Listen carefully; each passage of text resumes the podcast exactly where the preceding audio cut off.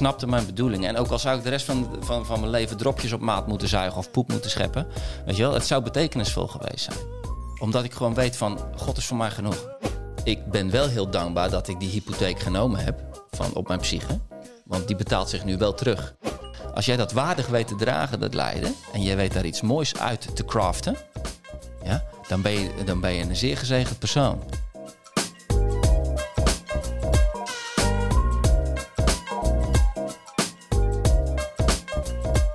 Welkom tot de podcast De Vergeten Groepen, waarin we ons voornamelijk richten op de jongeren en hun ouders met verschillende belangrijke onderdelen van opvoeden en ontwikkelen.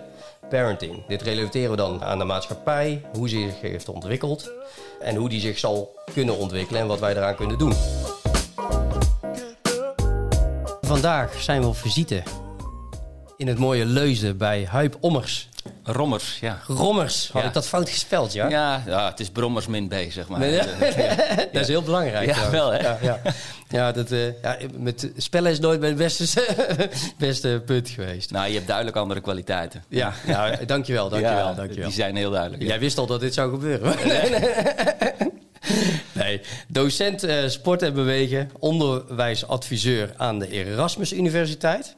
Ja, dat is inmiddels al een beetje in transitie ook. Dus eh, Ja, ik ben eh, eigenlijk als independent eh, researcher nog wel verbonden. researcher. Ja, en ik heb daar ook wel gewerkt als ja, interim manager en onderwijskundige inderdaad. Maar dat, dat was eigenlijk een, een detachering, was dat. Ja. Dus die is gestopt. En nu ben ik nog wel verbonden met ja, eigenlijk onderzoek doen. eh, met Michaela Schippers en, en het team. Maar ehm, even niet officieel op dit moment. Nee. Oké. Ja. Ja, mooi. Ja. Dan nog even auteur van het boek Doeltreffend. En bedenker van creatief, crea- Creative Life Crafting. Ja, Hype.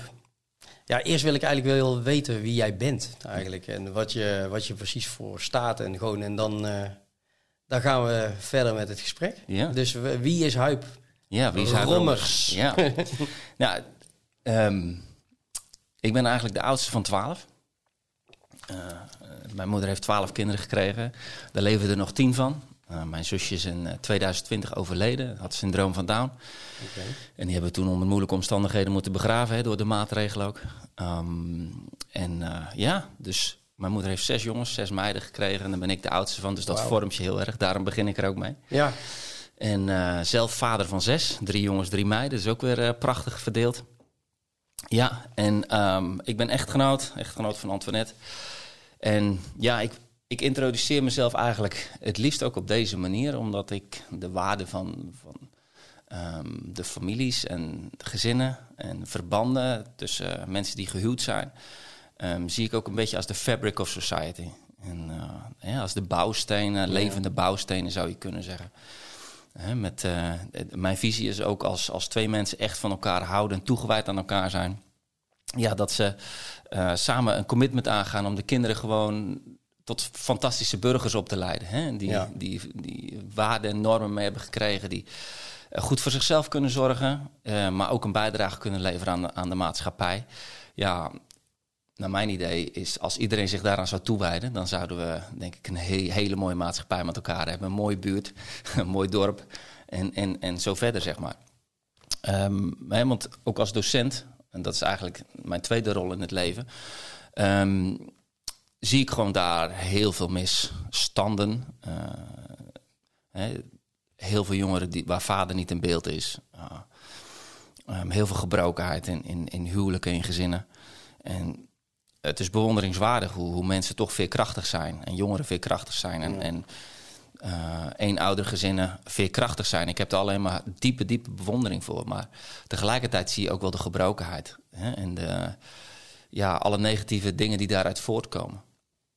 Dus ehm, ja, dat, dat zijn thema's die heel nauw aan mijn hart liggen. En waar ik, waar ik echt eh, probeer mezelf ook echt iedere dag aan toe te wijden. Om zowel in mijn gezin, als in mijn familie, als in mijn buurt. Maar ook in het onderwijs dus. ehm, ja, iedereen daar zoveel mogelijk in te inspireren en uit te dagen om, om daar werk van te maken.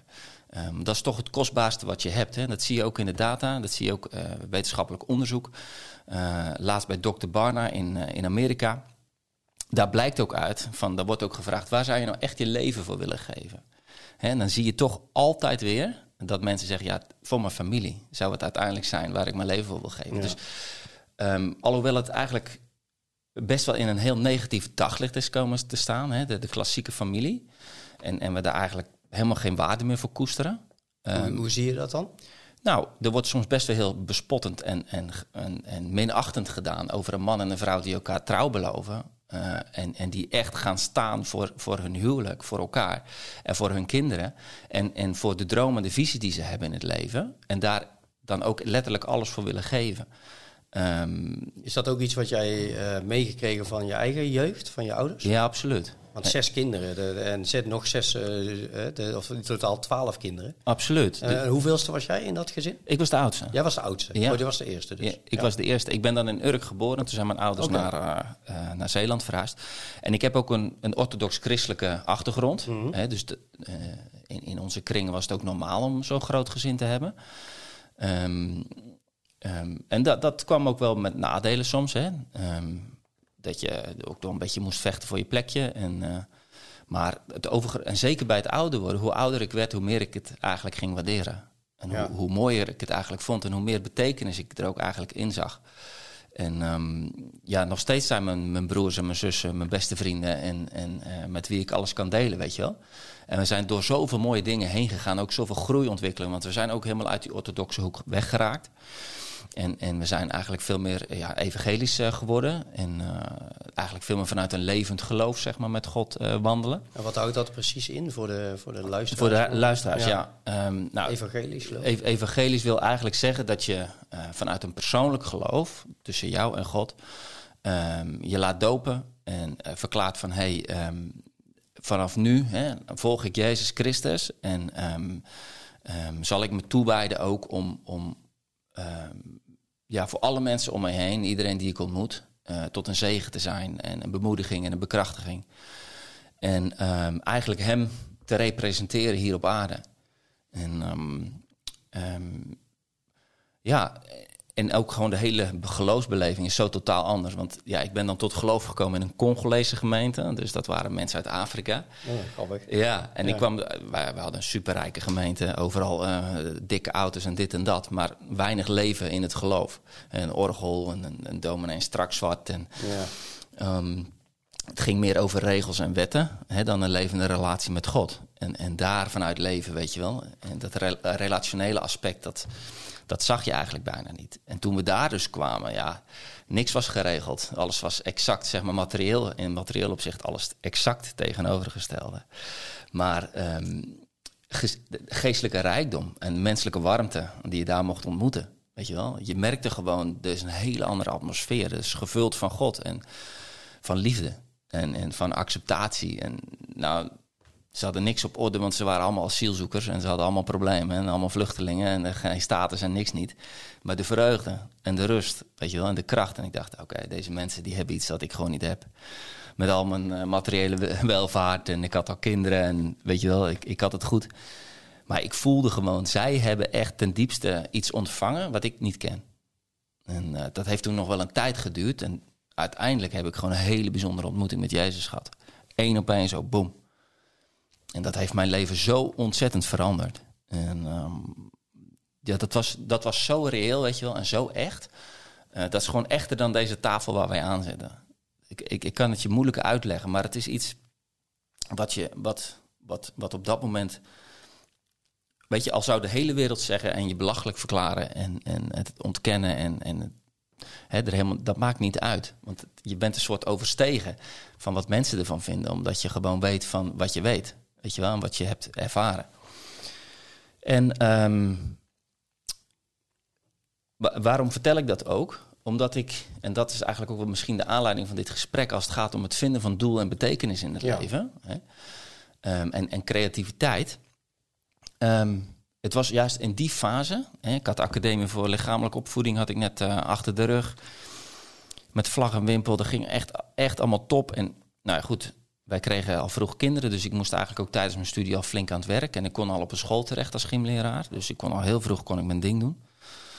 En ehm, nou, dat, dat was top. Ik had kinderen, ik had een lieve vrouw. We hadden, we, hadden, we hadden een leuk huis waar we in konden wonen. Ik had eigenlijk echt alles. Weet je wel, het zat, zat gewoon allemaal en alles zat het mee. Maar ik had, dat is zo bizar joh, ik had gewoon altijd zo'n zo'n soort, soort gatgevoel, weet je zo'n vacuüm, zo'n zo'n zwart Was het leeg? Of, leegte. Ja, ja. Echt zo'n existentiële leegte had ik in mij van... En ik weet nog, het was een keer tijdens kerst dat ik het boodschappenkarretje duwde, weet je wel, grote kop erop. En ik dacht echt bij mezelf, zo gaat het dus al 22 jaar. Dat je gewoon om, op deze en doen iedere keer hetzelfde en het voelt zo leeg. En waarschijnlijk moet ik nog 60 jaar, weet je wel. En dat zag ik even helemaal niet zitten. Ja. Ik dacht bij mezelf, dat, dat legde bij mij zo, even gewoon dat, dat hele alledaagse aspect. Ja. Dat, dat kwam zo diep bij mij binnen toen, dat ik het nog, nog als de dag van vandaag weet. En toen ik dus die ontmoeting met God had gehad, toen, toen was dat gat, dat was helemaal weg. En, en, en, en Had je toen een bepaalde soort verbinding met jezelf gekregen? Of kan je Ook? het zo dan, ja. ja, Je, als een kruis, zeg Ja. maar. Hè? Dus verticaal en horizontaal. Ja. Ik, ik, ik kwam gewoon thuis, zeg maar. En geestelijk ook. En ook in het leven. Ik, ik landde op de plek waar ik moest zijn. Ik snapte mijn bedoeling. En ook al zou ik de rest van, van, van mijn leven dropjes op maat moeten zuigen of poep moeten scheppen. Weet je wel, het zou betekenisvol geweest zijn. Omdat ik gewoon weet van, God is voor mij genoeg. Ja, maar ik, ik interpreteer, ik ben zelf, eh, mijn familie is wel gelovig, zeg Ja, maar. Of in ieder geval mijn, eh, eh, mijn vader is daar al meer van afgestapt, mijn, mijn moeder ook. Ja. dus zelf ben ik ook niet ge- gedoopt. Of, Nee. Alleen, zoals ik het zie, is eigenlijk zoiets van, omdat je, ehm, God heeft jou die middelen gegeven om Ja. een verbinding te zoeken met jezelf. Mhm. Maar zou ik dat ook kunnen interpreteren voor iedereen die, die bepaalde zoektocht heeft om zich met zichzelf te verbinden? Zou het ook iets anders kunnen zijn dan God? Alleen, is dat Ja. een beetje hoe, eh, is dat een goede invulling? Of? Ehm, nou, eh, eh, er zit zeker een aspect van, van, Mhm. van, van waarheid in, absoluut. Want verbinden met jezelf, hè, die, die, die disconnectie die we zo hebben ervaren, ook in de achterliggende drie jaar, dat is een realiteit. Hè, die gebrokenheid. Maar ik zou het juist ook om willen keren. Ik heb gezien dat juist in de wederkerigheid, het connectie maken met God en dat God connectie maakt met jou, ja. ehm, eh, ge- geeft je ook het vermogen om, ehm, om die stukken die er in jou zijn weer te helen en te verbinden met elkaar. Ehm, ehm, en dat het juist zijn bedoeling is om daar een rol in te spelen. Zoals het ook een bedoeling is van hem om weer met jezelf ook echt in verbinding te staan. Dus ik zie het juist als. ehm, als, als, als, zijnde, als gaande van heen en weer. In de, zoals je ook een menselijke. Ja, zoals wat jij en ik nu zitten te praten met elkaar. En, en onze verbinding aan het ontstaan is. Weet je wel? En, en wij echt een connectie met elkaar maken. En, en, en die openheid aan elkaar geven. Voor, voor mij is dat, dat. Dat is ook direct al gelijk connectie maken met mezelf. Nou, Ja. Zo moet je het ook verticaal zien. Dat beide in die relatie hè, geven, ontvangen, geven en ontvangen, geven en ontvangen. En, en, en daar vloeit dan leven uit voort, weet je wel? En, En- accepteren. Ja, ja. En, en er staat in Johannes 1, er staat dat ehm, in het begin was het woord. En het woord woord, eh, wat, wat daar gebruikt wordt, betekent logos. Of is logos in het Grieks. En dat betekent ehm, betekenis of doel of ehm, ehm, reden. Ja. Hè? En, en ik geloof dat zeg maar onze reden waarom we leven en wat ons nou maakt dat we mens zijn, dat dat verbonden is met God. Dat, daar ben ik dus niet rationeel achter gekomen, maar door, door letterlijk een ontmoeting. Ja. Doordat er relatie is ontstaan, weet je wel. Dat, dat dat echt letterlijk zo werkt. En er zit natuurlijk een mysterieus aspect aan. Hè? Nee, maar dat bedoel ik ook. Ik Ja. probeer het net ook een beetje vatbaar te maken Precies. voor, voor mezelf. Ja. Kijk, ik, ik ben, ik ben in, die, eh, in de afgelopen drie jaar ben ik redelijk open geworden naar spiritualiteit, naar alles. Ik, ik, ik was er altijd wel mee bezig, maar nooit zo nadrukkelijk als eigenlijk dat ik erachter kwam van joh, Ja. we missen hier helemaal de kern van ons zijn. Precies. zeg maar. En dat, dat mis ik gewoon. Ja? De, als je geen verbinding hebt meer met elkaar en zelfs afstand van elkaar gaat Ja. nemen. En dan waar we dadelijk op, eh, ons op gaan richten, de jongeren zeg maar isoleert. Oh ja. Als je dat allemaal bij elkaar neemt, dan, Mhm. dan, dan is elke verbinding die je zoekt op welke manier is al winst. Ja? En die verbinden we. En dat, dus daarom was ik ook zo geïnteresseerd in jouw verbinding, zeg Mhm. maar, hoe je bent, in verbinding met jezelf bent gekomen. Ja. ja. Nou ja, weet je, ehm, het is prachtig dat je dat inderdaad zegt. Want soms kan een, een crisissituatie, en dat, dat heeft wat mij betreft corona gedaan. ehm, Ehm, het heeft een, een, een soort masker weggetrokken, een soort, soort bedekking weggetrokken.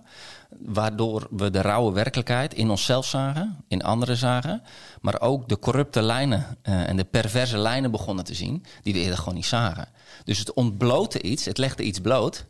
eh, wat ons niet per se heel erg blij maakte. Maar wat ons wel de kans gaf om te zien van... hé, hey, wat is hier eigenlijk aan de hand in mij? Ja. Wat is hier eigenlijk in de hand naar jou? Wat is hier eigenlijk maatschappelijk aan de hand? En ehm, dat inzicht kan behoorlijk traumatisch zijn. Hè? En daar hebben denk ik jongeren ook zeker last van.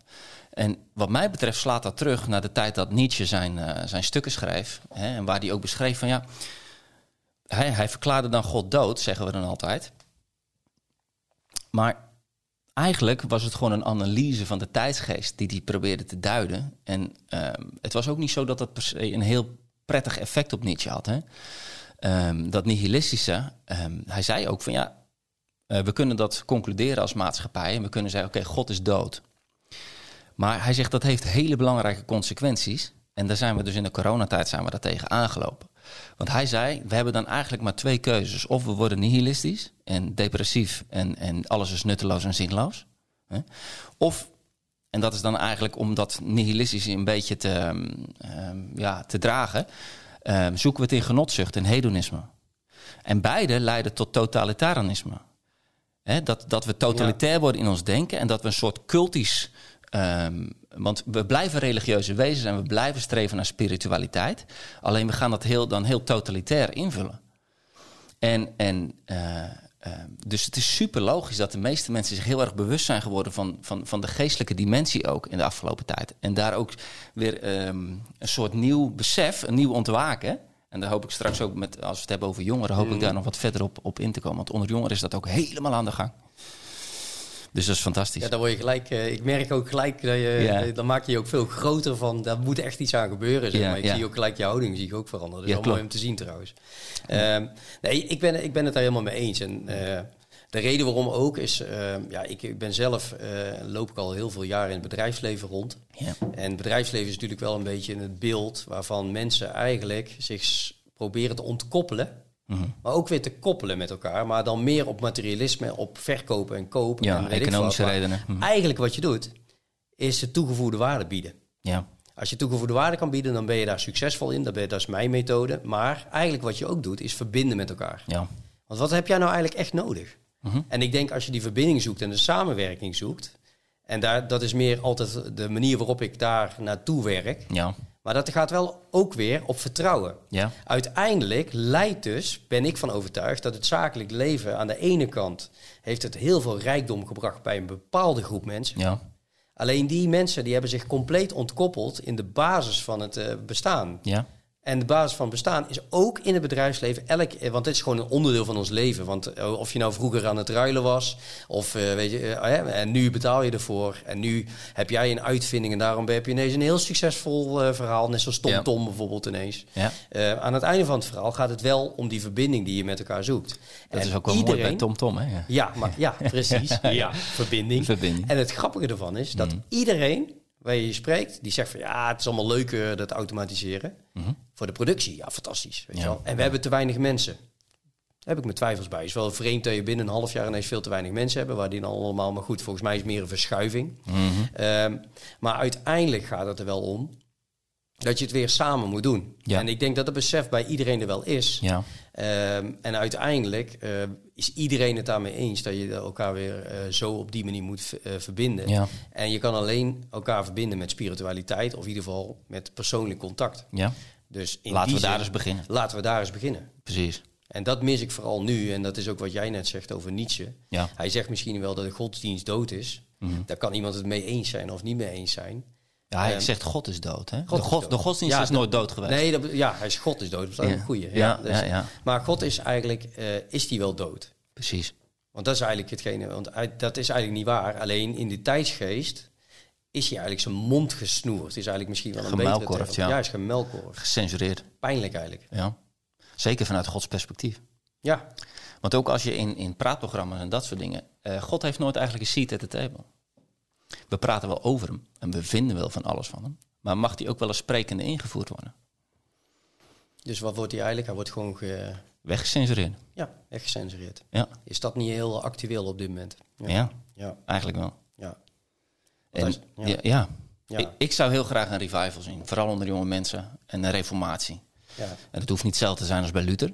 En het hoeft geen protestbeweging per se te zijn. Dat kan het zijn, dat hoeft niet. Maar ik, ik verlang... Kijk, wat, wat je vaak ziet hè, in de geschiedenis ook. Je ziet reformatie. ja. Dat leidt... Of eh, je ziet revival. Een opwekking. En dat, dat, dat, dat, dat leidt dan tot een reformatie. Er formeren zich andere dingen. Ja. Hè? Ze worden eigenlijk gerevived eerst, vernieuwd. En dan vervolgens neemt dat een nieuwe vorm aan. Een nieuw instituut zou je kunnen zeggen. Of het oude instituut wordt zodanig vernieuwd dat dat gewoon weer kan groeien en bloeien en floreren en dat iedereen profiteert. En vervolgens leidt dat zelfs, niet alleen dat het ietsje beter wordt, maar tot een renaissance. Dus een, een, een complete outburst van, van creativiteit en positiviteit en optimisme. En, en dat je denkt, hoe is het mogelijk? Maar je ziet eigenlijk altijd, ook in die renaissance, staat Christus centraal. Weet je wel? Eh, al die mooie stukken, daar, daar is eigenlijk altijd Christus centraal. En daar is ook onze, eigenlijk onze hele cultuur op gebouwd. Ja. En, en God is dood, oké. En hebben we dat eigenlijk wel doordacht met elkaar? Wat dat voor implicaties heeft down the, down the, down the pipe? Nee, ik denk het niet. Ik, ik durf hier te stellen, ik denk niet dat we, eh, dat we ons gerealiseerd hebben wat het is. Want weet je, Nietzsche zei ook, dat betekent wel dat jij nu God moet zijn. Dus, dus, dus, dus eigenlijk de mens is God. En dat is wat je aanbidt. En dat is eigenlijk. eh, en, en hoe doen we het eigenlijk als God een beetje? Weet je wel? Dan vraag ik me dan af. eh, hoe, hoe doe je het? Hoe, gaat het met God zijn? Lukt het een beetje?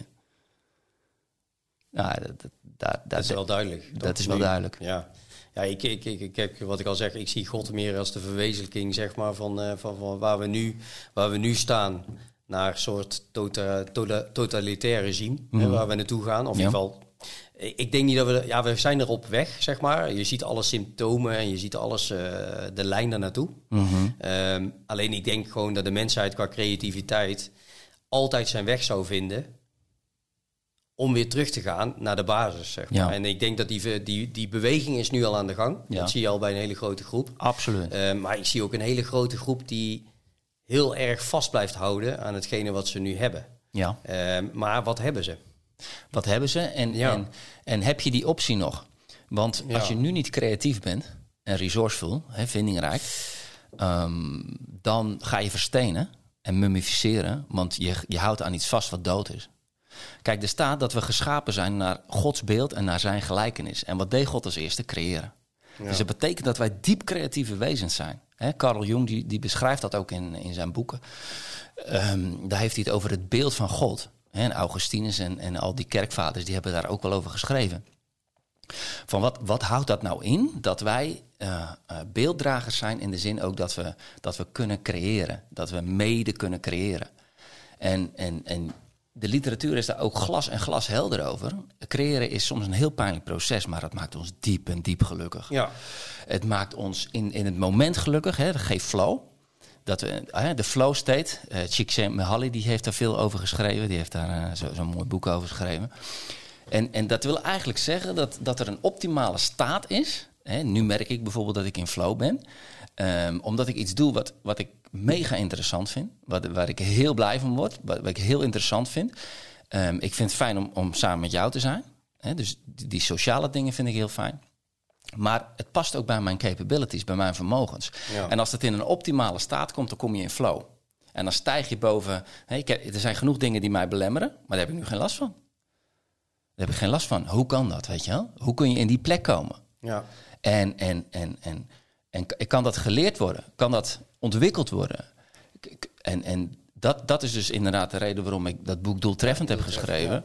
Ehm, het is mijn verlangen dat, dat jongeren stap voor stap ontdekken van... hé, hey, wacht eens even.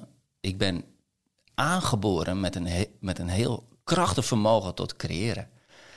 En, en, en dat betekent dat ik zelfs terugkijkend op mijn leven, de traumatische dingen waar ik doorheen gegaan ben, de mooie dingen, de dingen die mij gevormd hebben, ik heb het vermogen met mijn creativiteit om daar een dusdanige betekenisverlening. Stel je voor, je bent je hele leven misbruikt. Dan, dan is het mogelijk om op basis van die feiten in een complete ver- zelfvernietigingsmodus te geraken. En wie zou er iets van vinden? Ik bedoel, weet je wel? Dat is verschrikkelijk dat het je overkomen is. Maar desalniettemin, ook al sta je in die, in die hoek waar de klappen vallen, dan nog is het mogelijk dat jij je creatief vermogen gebruikt en daar een dusdanige betekenis aan geeft, het verhaal herschrijft van jouw verleden, zowel in het herschrijven als de betekenis, die, de positieve betekenis die jij eraan verleent, is een diep creatief proces, maar ook een helend proces. Dat is al zo vaak aangetoond, dat schrijven over je verleden en daar betekenis, Ja. een positieve betekenis aan verlenen, eigenlijk, eigenlijk een, een creatieve schrijfopdracht zou je kunnen zeggen, om, om een autobiografisch werk eh, Ja, dat- voor te dragen. Dat is de reden waarom er denk ik ook zoveel eh, van de zulke boeken zijn. Ja, Ja, ja, over zichzelf of geschreven door iemand anders, maar wel over iemand. precies. Diep helend. Dat is toch op de een of andere manier creatief bezig zijn, maar ook laten zien van hey, wat, je, wat je met jezelf hebt gedaan en hoe je daarmee mee omgaat. Absoluut. En mensen lezen dat zo graag. Want je, Ja. je, je, die kwetsbaarheid, die openheid, ehm, ehm, geeft, je, geeft je gewoon heel veel vertrouwelijkheid naar diegene. Maar ook dat je ziet, oh wacht, oh verdraaid, oh die heeft dat ook joh. Want vaak speelt het zich allemaal op het slagveld van je denken af, weet Ja. je wel. En, en door het bij een ander te lezen kan, kan al zo bevrijdend zijn. Genezend. Ja. Stijn. Ja, ja, nee, ik vind het geweldig. Nee. Ja, ja, ja. Kijk, en weet je wat ik het mooie vind? En dat vind ik ook weer. Weet je wat ik het mooie van? Alleen maar, ik, daarom zei ik net al van, ik ben vanuit nature ben ik niet gelovig opgevoed. Mhm. Maar daardoor heb je gelijk. Daar heb je alweer die verbinding. En dat vind ik heel belangrijk. om- want dat is ook de reden waarom we deze podcast ook op een gegeven moment dat we deze zijn gestart. Ja. Omdat we gewoon duidelijk zagen dat alles wat we tot nu toe zien, en dat hebben we de- met de media, maar ook op school, de, de nieuwe schoolboeken en zo. Mhm. Het is allemaal polariserend. En Ja. dan moet zo snel mogelijk als kind moet jij alles moet je, word je, word je als het ware man, vrouw. Maar nu heb je transgender, et cetera. En, en kijk, maar voor een kind is dat helemaal niet belangrijk. Nou, Dus laat iedereen gewoon verbinden met wie jij bent naar een andere persoon. ja. En niet wat je moet zijn om, om op de een of andere manier erbij te horen of hetzelfde te vinden. Ja. Ja. dat vind ik ook zoiets nieuws. Van, de, ja, het is wel verstandig. Ja, je mag wel iets vinden. Maar, Precies. dus alles voor de maar is praktisch een leugen of is, heeft een kern van onwaarheden in zich. Tenminste, zo, dat is mijn beredenering. Ja, maar is geen ja. Weet je wel, zo simpel is het. Mhm. Maar goed, hiermee wilde ik ook even een bruggetje maken. Tuurlijk. Want wij zijn, hè, eh, je- bent docent. Mhm. Ehm, ja, vooral met sport bezig geweest. Ja. Klopt dat? Jazeker, de afgelopen. 20 jaar. Ja, Ja. zeker. Alleen, eh, ja, eh, je bent een beetje aan het, ja, een beetje de noodzaak van afbouwen is erin gekomen, omdat, Ja. omdat je iets bent tegengekomen. Ja. Ja, en, en dat is?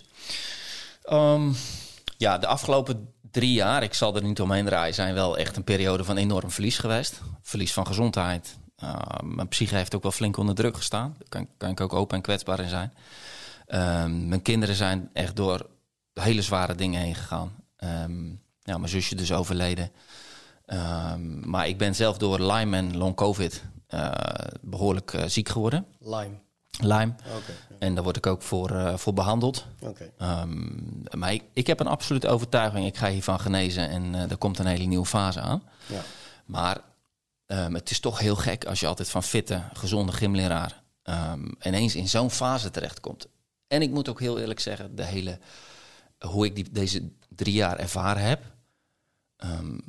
wat, wat ik zei, hè, dat, dat ontmaskerende, dat ontluisterende, eh, dat, dat ineens zien van oh, ik ben toch wel heel naïef geweest. En, en eigenlijk heb ik toch wel heel lang niet de dingen doorgehad of ervoor gekozen om het niet door te hebben. Of, dus ik, dat, dat eh, wakker worden, ontwaken van, van een nieuwe realiteit, ja, dat, dat heb ik als psychologisch enorm zwaar gevonden. Het, echt alsof je in een psychologische oorlog zit, weet je wel. Maar het, het, het vergt ook veel moed.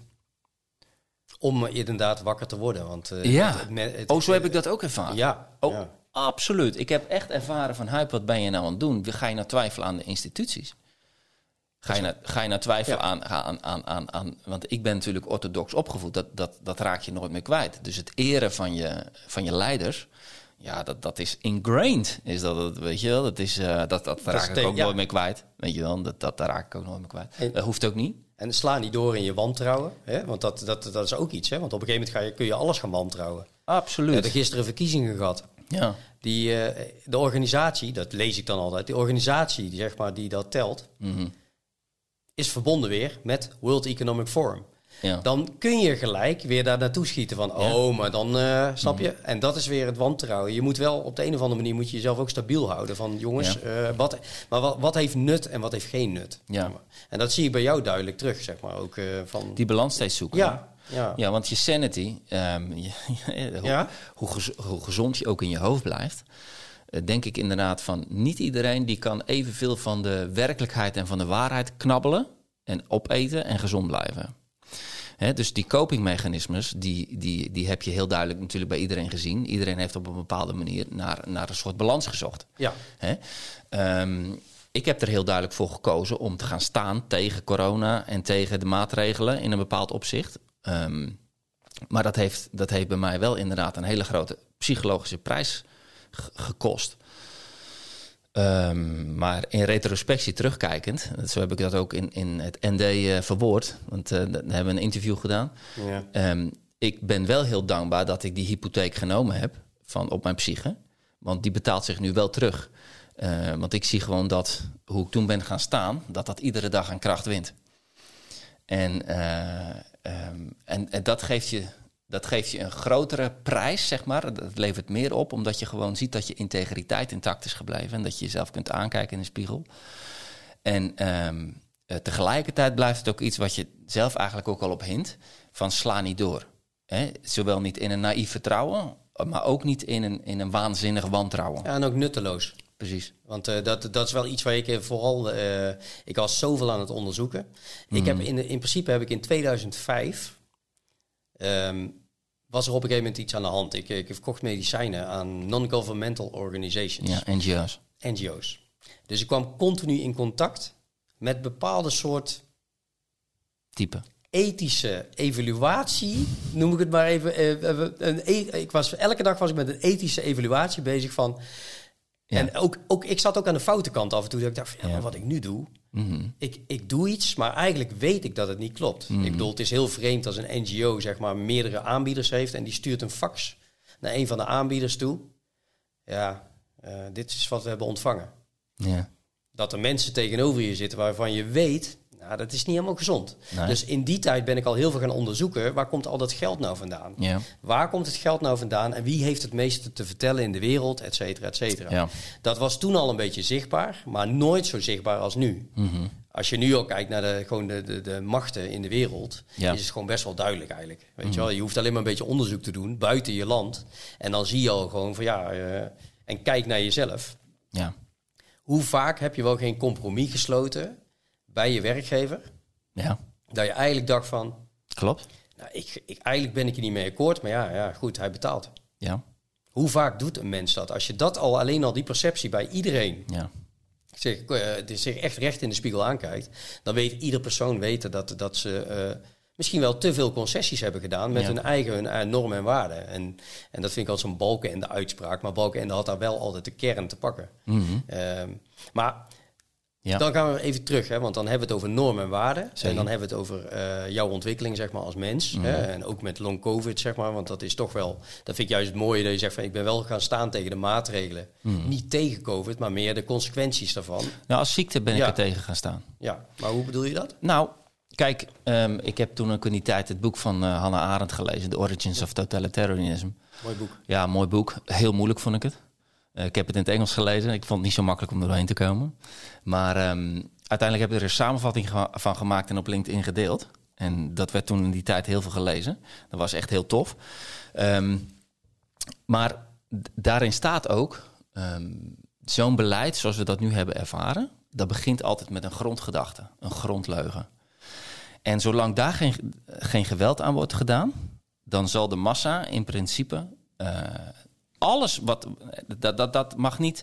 ehm er mag geen cognitieve dissonantie ontstaan op de kernleugen. Nee, dan heb je me dan dan Dan, ja, dan, dan, ja. dan wordt de betovering verbroken. Nou, in mijn ogen was de kernleugen begon... ehm, dat was twee, tweevoudig, waar die was ontstaan. Ja. Virus. absoluut. En eh, de tweede plaats, eh, hoe gevaarlijk het was voor mensen. En wel, voor welke mensen vooral. En zolang die leugen overeind bleef staan... ehm, als, als die parasitaire druk was blijven bestaan in de maatschappij... dan waren we absoluut in, in, in, in de situatie gekomen... dat mensen gevangen gezet zouden worden... en misschien zelfs nog verder. Ehm, eh, ja, je, je snapt wat ik bedoel. Ehm, en gelukkig zie je nu in deze fase dat die kernleugens steeds verder ontmanteld worden. De FBI zegt van ah, het is toch waarschijnlijk dat het toch een lab leak is. Ehm, en en hè, nu, nu mag er ook mondjesmaat toegegeven worden dat het helemaal niet zo gevaarlijk was. En, en noem het allemaal maar op. Maar je voelt nog steeds, terwijl ik dit nu uitspreek, voel je nog steeds, het mag een soort niet gezegd worden. Het, wordt, het wordt ook niet gezegd. Nee. nee. En het mag zelfs, eh, je weet dat het nu naar buiten is gekomen in Duitsland. Ja. Gewoon dat, En het toch, dat er bepaalde keuzes zijn gemaakt. En in Engeland ook. Ja. Dat er toch bepaalde keuzes zijn gemaakt. En daar gaan we het niet over hebben. Maar in Nee. ieder geval bepaalde keuzes zijn gemaakt. Ja. Die op de een of andere manier Ja. dan hier... Nee, sorry, maar daar gaan we geen aandacht aan besteden. Nee, klopt. En dat is pijnlijk. Klopt. Ja. En, en, en, en ik heb steeds gezegd, namelijk ook aan het begin van de crisis, ehm, ziek worden hoort bij het leven. ja. Maar als er iets gecraft is, als je je creativiteit dus op deze manier gebruikt om, om gain of function te doen op, op dit soort virussen, en dat ontsnapt, of dat is op een of andere manier Ja, ja. is, dat, is, is, hè, is dat vrijgelaten. Ehm, dan kun je niet aan de ene kant zeggen, ja, het is niet dodelijk en eh, we hoeven er niet bang voor te zijn. En de andere kant zeggen, ja, maar het is wel een gain of function virus, dus we moeten uitkijken.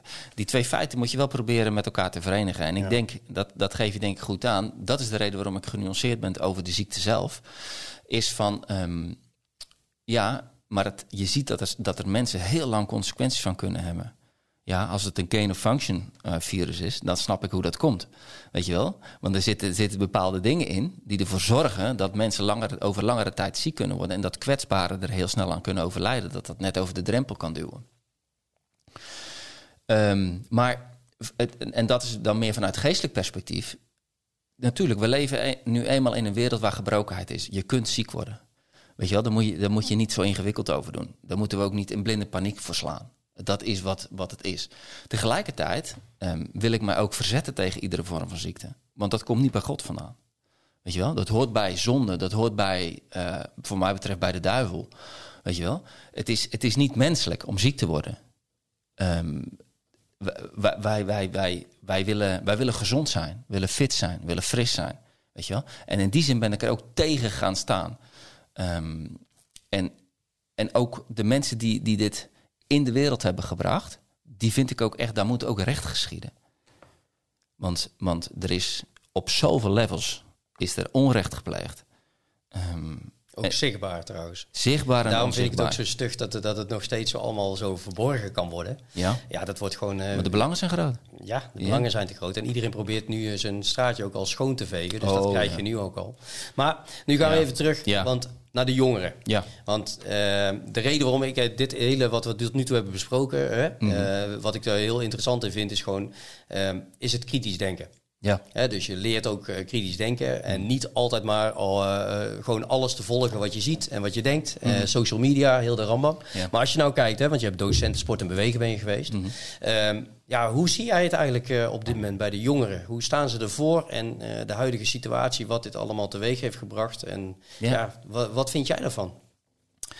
Ja, ehm, ik, ik vind er inderdaad wat van. En op, op, eigenlijk op een emotioneel level. Ik, eh, ik merk dat ik daar ook altijd ontroerd van word als het, eh, als het daarover gaat. Ik vind gewoon straight up dat de jongeren onrecht is aangedaan. Eh, heel groot onrecht is aangedaan. Ze zijn voor de bus gegooid.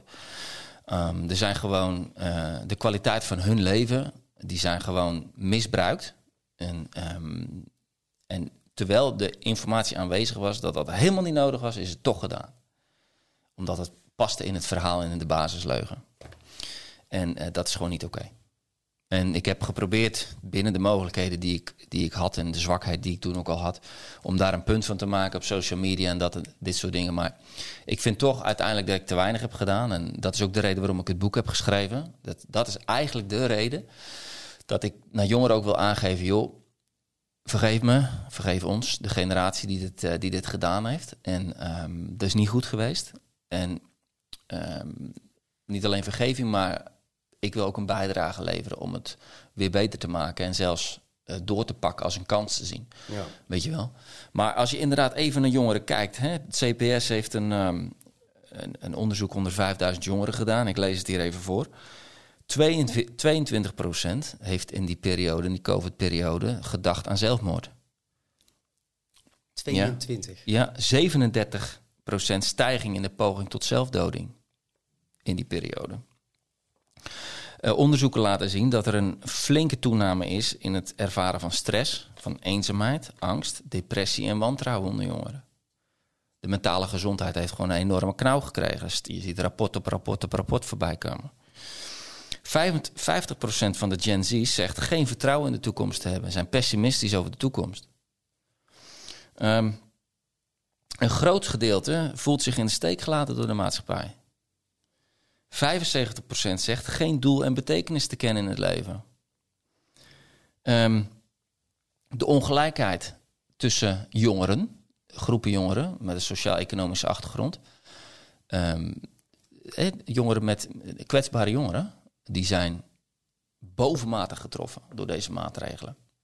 Dus, dus, die jongeren die dus al uit een gebroken situatie komen, die al met een lagere economische status, um, jongeren met een migratieachtergrond, die zijn disproportioneel getroffen. Hè? Leerachterstanden tot wel 50% over de jaren. Um, Oké, hoe, hoe, gaan ze, hoe gaan ze dit nog ooit inlopen? Ja, ik denk dat het kan, maar het zal wel echt met een, met een heel goed doordacht plan moeten zijn. En um, ik zie ook een heel groot probleem bij jongeren is dat um, als je bij jongeren gewoonten verbreekt, dus dingen die ze altijd doen, routines. Laten we zeggen bijvoorbeeld naar de sportschool gaan of naar de sportclub gaan of laten we zeggen gewoon op school komen. Ik zie onder mijn jongeren waar ik mee werk, zie ik gewoon zoveel moeite om, om op school te komen, om er te zijn, om present te zijn met een kop in de les. Um, ja, ze zijn er gewoon niet. Weet je wel? Het is, er is iets doorbroken en dat is niet zomaar geheeld. En dat gaat ook niet zomaar helen. En dat is ook niet zo van, ja, nu is het weer goed, dus boah, jongeren zijn resilient, die veren wel terug. Ja, dat doen ze ook wel. En uh, dat heeft wel even tijd uh, nodig. Ja, tijd en aandacht. Ja. En weten, wat, wat is eigenlijk hier precies het probleem? Uh, dat goed analyseren en dan vervolgens met een plan komen die ook het probleem oplost. Want we hebben veel te veel interventies die niet alleen niet werken, maar die zelfs negatief werken. Ja. Wat vinden wat vindt de school er zelf van? Eh, want daar intern heb je het daar ook over, neem ik aan. Mhm. En hoe gaat dat dan? Ja, kijk, ik denk dat uh, scholen die hebben eigenlijk een, uh, een dubbel probleem. Want heel veel docenten en onderwijsprofessionals die hebben een soort hypotheek op zichzelf genomen. Die moesten hals over kop moesten die aan de slag met digitaal onderwijs. Ja. Um, dan kun je zeggen, ja, maar dat is ook, dat is ook een kans, hè, weet je. En dan, uh, dan kun je dat blended learning en al die, uh, die dingen, die, um, die, bust, uh, die buzzwords die je die, die, nu ook in het onderwijs hoort. Mm -hmm. um, maar zij moesten ook gewoon door, door heel veel dingen die gewoon niet werkten, maar die wel gewoon moesten. Hè. Ja. Je moest toch, ik weet nog in die tijd ook, ik heb ontzettend veel moeite gedaan om al mijn mentorleerlingen uiteindelijk ook echt erbij te krijgen. Sommigen kregen gewoon geen contact mee. Hè? En, en, we weten ook uit die periode dat huiselijk geweld is toegenomen. Uh, de telefoontjes bij de kindertelefoon die namen toe. Um, kinderen die normaal gesproken op school een veilige situatie hadden en thuis niet, moesten nu hele dagen thuis zijn. Terwijl soms ouders ook hele dagen thuis waren. Ja, moet je je voorstellen eigenlijk. Hè? Ja. ja. Dus die zijn gewoon zonder wetenschappelijke onderbouwing en zonder uh, goede rationale zijn die gewoon in die situatie teruggedrukt waar ze gewoon niet meer uit konden. Oké, hoe ga je zo iemand herstellen? Die heeft heel veel, ook hoe jong die ook is, heeft hij een heel fundamenteel wantrouwen gekregen. Misschien kan die, heeft hij er geen gezicht bij, misschien kan hij het niet benoemen, misschien kan hij het niet onder woorden brengen. Ja. Maar op een heel fundamenteel level is daar iets gebroken. En hoe merk je dat aan de kinderen op school? Um, gedrag. Gedrag. Ja, en wat voor gedrag? Heel wisselend. Hè? Dus, dus um, eigenlijk zou ik willen zeggen van ze, hun, hun, hun hele uitzicht op hun doel in het leven en hoe, hoe ze dachten dat het leven in elkaar zat. En de route die het leven zou nemen, daar is gewoon een flinke breuk in gekomen. En nu zijn ze eigenlijk verward. Die verwarring, weet je wel, en ook die polar. Ze, willen er ook eigenlijk niets mee te maken. Ze willen er niet over praten. Hè, dan zit ik natuurlijk vooral in het MBO en het VMBO. Um, ze willen het er niet over hebben en ze, ze, willen dat eigenlijk gewoon achter zich laten en ze willen door. Weet je wel? Um, maar ik, ik zie gewoon inderdaad dat, dat ze veerkracht gewoon missen. Dat is eigenlijk het belangrijkste. En dat ze eigenlijk niet durven om weer gewoon doel te stellen en, en betekenis te verlenen aan het leven. En um, de bouwstenen eigenlijk niet hebben om te floreren. Ja, en dan met name bij, bij leerlingen dus die, eh, en, en studenten die, die eigenlijk toch al disadvantaged zijn. Ja, Ja. ja ik heb eh, al meerdere onderwijswijzers eh gesproken. Mm. Ehm, ook coaches, kindercoaches, jeugd. Mm. Ja, en overal wordt dit beaamd. Ja. Ehm, ik vind het ook ongelooflijk. Ehm, ja, je, je leest net al, of ja, je leest net alle percentages voor. Ehm, ik heb al, eh, ondertussen heb ik al echt, echt wel veel eh, mensen erover gesproken. Mm. En op de een of andere manier zie ik geen nationaal, eh, Plan. geen nationaal plan. Nee. Dat, dus dat verbaast mij echt. Dus op de een of andere manier komt het niet door. En dan zeker als je al kijkt naar het ministerie van Onderwijs en eh, et cetera. Maar ja, goed. Dus dat wordt, dat wordt Ja, we gewoon hebben de een plan tijd. gehad. We hebben dat NPO gehad, hè? En wat hield dat precies in? Nou ja, dat, dat waren, dan kregen we dan kreeg de school geld. Hè? Eh, Ja. Dus er wordt er geld op gegooid. Dat was sowieso eh, de reactie op, eh, op alle dingen die misgingen in de maatschappij toen. We laten we er een zak geld op bombarderen en dan zal het wel goed komen. En, ehm, ehm, maar inderdaad gewoon echt met een, met een gedegen aanpak. Met een soort taskforce die samen met de scholen, regionaal, ehm, specifiek op de school zelf. Dus, dus ruimte voor, voor toepassing, maar wel met, een- met een visie en met een plan. En, en met dingen die echt werken. En daar kunnen we, kunnen we misschien inderdaad zo over komen te spreken. Want dit is namelijk ook een tijd die als jongeren eenmaal weer ehm, inzien hoeveel potentieel ze hebben en hoeveel potentieel deze tijd biedt. Dan zijn dit, is dit ook de tijd van ongelooflijke kansen. En, en zo sta ik er ook in. Dus aan de ene kant zie ik inderdaad wat ik zie. Maar aan de andere kant, en dat probeer ik dus ook in het boek, probeer ik daar een, een punt van te maken en de jongeren bij de hand te nemen. Van joh, eh, unprecedented times. Om echt iets moois van te maken. En, en dat is dichterbij dan je denkt. Veel dichterbij dan je denkt. Ja. Ja, ja, Nee, want ik heb, ik heb, eh, ik heb je, je boek nu in mijn handen. ja. En eigenlijk, eh, hier staat ook eh, doeltreffend. 12 geheime sleutels voor een doelgericht leven. ja. En dan draai ik het om en daar staat ook doeltreffend brengt een optimistische en wondermooie toekomst voor jou binnen handbereik. ja. En de essentie is eigenlijk, waarvoor kom jij 's ochtends je bed uit? En wat is volgens jou de betekenis van je leven? Yes. En ja, dat is eigenlijk wel een beetje waar het om draait. En wat eigenlijk ook een beetje is afgenomen. Dus, ehm, maar hoe kijk je daarna? Want je hebt dit boek geschreven. Ehm, Ja. Dit is specifiek voor, voor welke doelgroep? Nou, als je me er helemaal op vastpint, zou ik zeggen jongens tussen de 18 en de 22. dan pin ik je er Dan wel heb, nee, ja, dan heb je wel een niche. Ja. Maar nee, het Maar is voor ouders bijvoorbeeld zou het ook heel functioneel kunnen zijn. perfect. Want je kunt daar, daar, daar krijg je hele mooie tools in handen om gewoon heel casual met, met je jongvolwassenen in gesprek te komen. Ehm, en ik zou zelfs willen zeggen, ehm, heel casual eh, kunnen ook eh, volwassenen juist eh, er nog heel veel uithalen. Want ehm, zoeken naar doel en betekenis is altijd een circulair proces. Hè? Dus, dus de thema's waar jij in je leven mee te maken krijgt, als het goed is, is dat altijd een op, opwaartse spiraal. Dus zelfs al hè, heb je een periode zoals ik achter de rug, van alleen maar klappen en lijden en moeilijkheden en problemen, dan nog kan je leven in een opwaartse spiraal blijven. Ehm, en ik zie ook, nu ik 40 ben, hè, 20 jaar geleden had ik dus die, dat, dat diepe existentiële moment. Nou, en dat, dat, dat met een hele grote cirkel gemaakt. Ik ben nu 42 en nu ga ik daar in feite weer doorheen. Door dezelfde thema's, maar onder hele andere omstandigheden. Dus een ouder die kan het dus ook mooi voor zichzelf lezen. Van oké, ehm, waar sta ik in dit proces? En ehm, wat mij betreft blijft het relevant voor iedere leeftijdsgroep. Want je blijft altijd met dezelfde dingen worstelen. Ja. Hè? En, en, en, en iedere levensfase, hé, ik word misschien straks opa, mijn, mijn oudste is 22. Nou goed, ik ben nog jong. Maar dat zal weer hele andere betekenisverlening en al een doel in mijn leven geven. Weet je wel? Dus ehm, ja, ik denk inderdaad dat het voor beide groepen heel, heel interessant is. Ja, Het is gewoon om daar eh, een keer ook samen doorheen te gaan. mogelijk. yes. Ja. Want dus de vraag, kijk, het Ja. boek, eh, ehm, ik ben ehm, leerkundige, dus on- onderwijskundige. Dus ik heb het boek ook zo vormgegeven dat ehm, eigenlijk op zeven manieren laat ik je in een hoofdstuk kennis maken met hetzelfde. Hè, want herhalen, herhalen, herhalen, maar steeds op een andere manier en op een frisse manier. Hè, dus de, de titel, die geeft het al weg. ja, doeltreffend. Ja, Ja. maar ook de titel van ieder hoofdstuk. Ja. En dan bij ieder hoofdstuk zit ook een quote. En bij ieder hoofdstuk zit een afbeelding. En bij ieder hoofdstuk zit een verhaal. En bij ieder hoofdstuk zit een stukje toepassing. Er zit ehm, eh, ehm, affirmaties, dingen uitspreken, hardop uitspreken, positieve dingen. En er zitten vragen.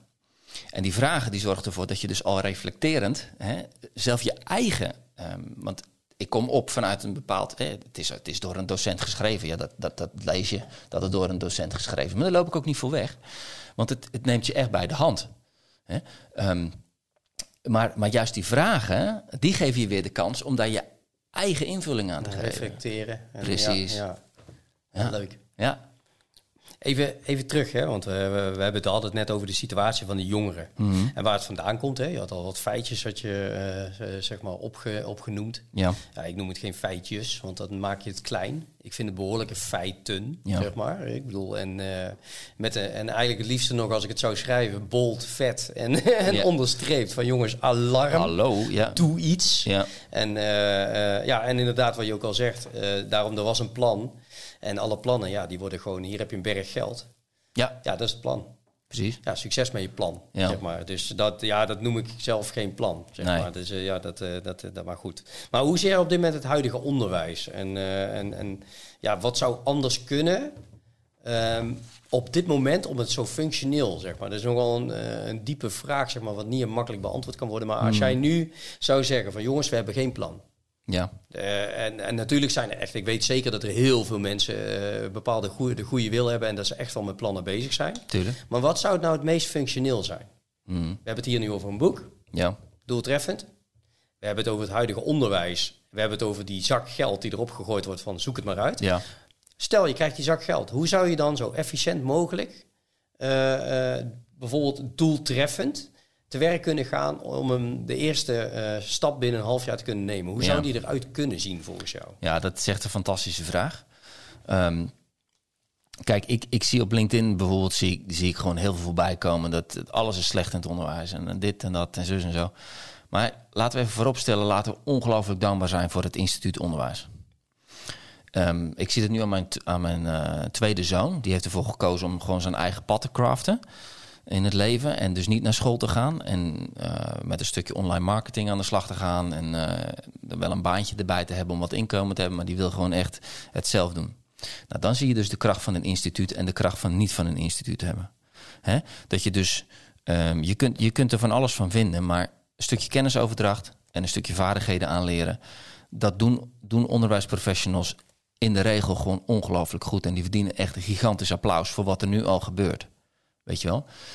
Ehm, en dat, dat geldt ook voor leidinggevenden. Ik heb daar alleen maar groot applaus voor. En ik heb zoveel mooie, prachtige professionals eh, om me heen gezien... die zo goed bezig zijn, dag in dag uit. Zichzelf daarvoor geven. Ehm, dus we moeten niet zomaar casual zo'n zo'n instituut neersabelen. Dat, dat wil ik even sowieso al, eh, al gezegd hebben. Belangrijk. Heel belangrijk. En er gebeuren al superveel goede dingen. Ehm, en ik ben, ondanks dat ik heel creatief ben en innovatief ingesteld ben, ben ik een, een warm voorstander van kennisoverdracht. Eh, van kennisverwerking, van kennistoepassing, vaardigheden aanleren, competenties aanleren, houdingen die daarbij horen. En, en ehm, want weet je, wil je kritisch kunnen denken, moet je wel gedachten hebben om te denken. Ja, en, en, en kennis is natuurlijk iets wat je, wat, je, wat je binnenkrijgt, maar het zijn ook stapstenen om je ergens heen te denken. En, en dat, dat denken, natuurlijk heb je allerlei manieren voor om dat te vormen, maar voor, voor, de, voor de, de leerling die nog heel bleu is en, en, en, en onbeschreven blad is in een bepaald thema, is gewoon de directe instructie gewoon een bewezen wetenschappelijke methode om dat het beste over te dragen. Dus, dus in die, in die ehm, sfeer zit ik sowieso. Dat, dat daar gezegd, zou ik eigenlijk als ik binnen nu en een half jaar iets op een school zou moeten veranderen, en ik heb die implementatietrajecten al op verschillende scholen ook gedaan, naast het boek is er ook een programma. En dat programma, dat is dus puur gebaseerd op het vinden van betekenis en doel in het leven. Want er is aangetoond op, eh, in, in onderzoek dat de academic performance, dus het, het, het verbeteren van de schoolprestaties, eh, met 22% kan toenemen als jongelui geholpen worden om na te denken over het doel en betekenis in het leven. Wat vind je belangrijk? Wat wil je graag bereiken? Wie ben je? Waar wil je graag heen als persoon? Ehm, ehm, maar ook, en dat is dus waar ik dus nu mee bezig ben, om eigenlijk creativiteit als motor te gebruiken. Als vliegwiel zou je kunnen zeggen. Want het is één ding om een jongere te laten reflecteren op waar je heen wil in het leven. Maar het is een tweede om daar te komen. Jij en ik weten dat het geen rechte streep is. Nee, nee je hebt vindingrijkheid nodig om al die belemmeringen die daar tussen jou en jouw droom staan. Hè, en al die zijpaden en afleidingen die je hebt. Om daarop gefocust te blijven en met, met doorzettingsvermogen ook te komen. Jezelf aan te sturen. Dus daar, daar zou ik dan, hè, dat doe ik dus nu ook al, creativiteit. Het en, en weet je wat het goede nieuws is? Als we vier zijn, zijn we tegen het geniale level van creatief. Hè? Maar school die heeft uh, een hele goede job in dat gewoon compleet uh, onderdrukken. Hè? Dus um, creativiteit bestaat uit, uit twee bewegingen. Divergent denken, hè? dus mm zoveel mogelijk mogelijkheden en ideeën denken. En daar, convergent denken, uit die zee van ideeën die je bedacht hebt... daar de beste uit te halen en die te verbinden. Dat is het creatieve proces. En beide kent zo zijn cognitieve uh, strategieën. Um, en weet je wat nou het goede nieuws is? Zowel voor jou als voor mij op onze leeftijd. En voor, hoe oud maakt niet uit. Maar vooral voor jongeren. En daar heb ik dus wetenschappelijk onderzoek naar gedaan. Um, blijkt het heel makkelijk los te maken. En zie je dat het een aangeboren vermogen is, die wel verschilt. De een heeft meer vermogen dan de ander. En het is ook wel gekoppeld aan intelligentie. Intelligentie speelt een rol. Maar uh, en persoonlijkheid speelt een rol. Maar voor iedereen is het mogelijk om everyday creativity te ontwikkelen. Op basis van de vermogens die je hebt. Dus, dus dat is eigenlijk supergoed nieuws. Dus je, je kunt jongeren heel makkelijk overtuigen van joh, je hebt dat vermogen. En jij kunt dat dus gebruiken. Als jij niet, als jij niet opgeeft, hè, kun jij bij je dromen en doelen komen in het leven, man.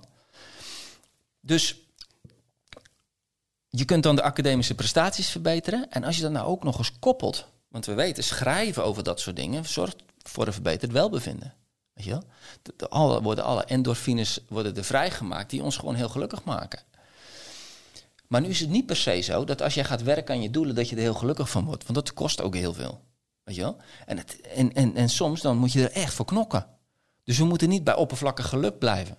Of, of voor plezierig. Nee, we moeten, we, moeten, moeten streven met jongeren te leren van... Hey, juist als het heel erg tegen zit en als je veel met lijden te maken hebt gehad... en, en, het, en het lukt helemaal niet goed, dat is goed nieuws. We moeten jongens, jongeren een compliment geven. Als jij dat waardig weet te dragen, dat lijden... en jij weet daar iets moois uit te craften... Ja, dan, ben je, dan ben je een zeer gezegend persoon. Um, waarom, waarom zeg ik dat zo? Dat is eigenlijk gebaseerd op het werk van Viktor Frankl. Ik weet niet of je dat kent. Nee. nee. Viktor Frankl is een, een holocaust-overlevende. is inmiddels uh, gestorven. In 2006, geloof ik, uit mijn hoofd. En die, um, die, die, die had een, de, was een psycholoog, een psychiater in Wenen. En in de tijd dat Hitler daar dus uh, de dienst begon uit te mm -hmm. maken, waren Joodse psychiatrische patiënten natuurlijk dubbel aan de beurt. Dus die zijn allemaal afgevoerd. En hij heeft dat zoveel mogelijk getracht uh, die mensen goed onder te brengen en dit en dat. Mm -hmm. Maar uiteindelijk werd hij zelf ook uh, uh, weggevoerd. Eerst naar Theresienstad en toen later naar Dachau om, om vergast te worden. En wat hij heeft, wat hij daarvoor al had ontwikkeld, is logotherapie van logos-therapie. En um, hij geloofde niet zoals Adler en, en Freud. Mm. Freud zei: een mens leeft alleen maar voor genot, voor plezier. Punt. Daar wordt hij door gedreven, that's it. Ja? Uh, daar kom ik zo op terug. Ja. En Adler zei: nee, nee, nee, nee, ja, dat is wel zo. Maar mensen worden vooral geleven, uh, gedreven door controle. En uh, door eigenlijk de baas te willen spelen over anderen. En de macht te willen hebben. Maar Frankel zei: ja, daar worden mensen zeker door gedreven, dat klopt. Maar mensen worden primair gedreven door het verlangen naar doel en betekenis. Dat het leven ergens toe dient. Dat het e-, leven ergens heen gaat. En dat het leven betekenisvol is, waardevol is dat het samenhang heeft. En um, hij toonde dat ook aan. En hij toonde dat vooral aan toen hij dus uh, zijn, zijn manuscript verloor. Want ja, dat werd allemaal, die kleren werden allemaal afgepakt. En toen is hij dat gewoon niet gaan beschrijven, maar nu is dat uit gaan leven. Dus wat heeft hij gedaan? Hij heeft een kliniek daar opgericht in Dachau. Om mensen die dus een doodswens hadden, uh, om die dus op, uh, ja, met logotherapie eigenlijk om te keren. Ja, mooi. En wat hij ze dan liet doen, is van joh, jij ziet geen enkele reden meer hè, voor het leven. Nee. Dan gaan wij net zo lang zoeken tot we die reden gevonden hebben. Want hij zegt, weet je wat er gebeurt als mensen die reden verloren? Hij zegt dan kon je niet meer tot ze doordringen en dan gingen ze direct pakken naar genotsmiddelen. En hij zegt, dan stierven ze niet aan de tyfus of aan een kogel, maar dan gingen ze dood omdat ze de reden niet meer zagen. en ook niet meer wilde. En heel veel jongeren, die zie je dat ze bedwelmd, zichzelf bedwelmen en eigenlijk weglopen voor die levensvragen, voor die prikkelende vragen, die knagende vragen soms ook. Waarom, waarom besta ik? Wat is de reden? Wat is het nut? Weet je wel? En, en ik wil tegen jongeren eigenlijk hier nu ook door deze podcast zeggen: joh, als dat voor jou geldt, Frankel die zei: loop er niet voor weg, ga het niet bedwelmen. Ga jezelf niet met drugs of medicamenten of, of met, met een oppervlakkig leven, ga dat niet onderdrukken, maar kijk het aan. En dat is heel pijnlijk, en dat is heel zwaar, maar ik heb goed nieuws voor je. Als je het aangaat, dan zul je zwaar en zwaar beloond worden. En, ehm, eh, en daar heb je ook je creativiteit voor nodig. Weet je wel? Ja. Want Frankel die zegt inderdaad, hij liet, hij liet die mensen drie dingen doen. Hij, hij liet ze iets creatiefs doen. Dan heb je het weer, creativiteit. Mhm. Hij liet ze een community vormen. Verbinding met elkaar ook waar we het net ook al over ja, hadden. de verbinding. Ja. Maar daar heb je ook je creativiteit voor nodig. Creëren van verbindingen. ja. Weet je wel? En het derde wat hij zei is, er is heel veel potentieel te halen uit lijden. Dat zegt jou namelijk heel veel over wie jij bent en wat je nou echt belangrijk vindt in het leven. En dat je dat aangaat, die confrontatie daarmee, weet je wel. En dat zou ik in het onderwijs, in dat halve jaar, ga die confrontatie aan.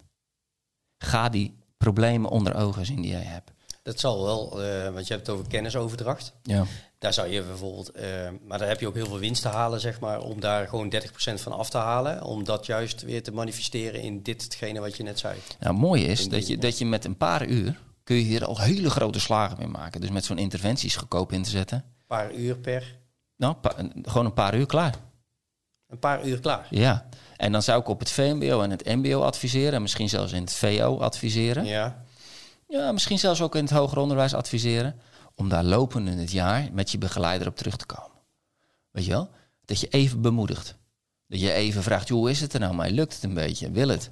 maar dat is twee uur per persoon of twee uur in totaal? Nou, die interventie die duurt... Maar ehm, ik stel even allemaal ja, vragen om je er meer duidelijkheid te ja. krijgen. Ja. Nee, in het ho- hoger onderwijs twee uur. Oké, Ja.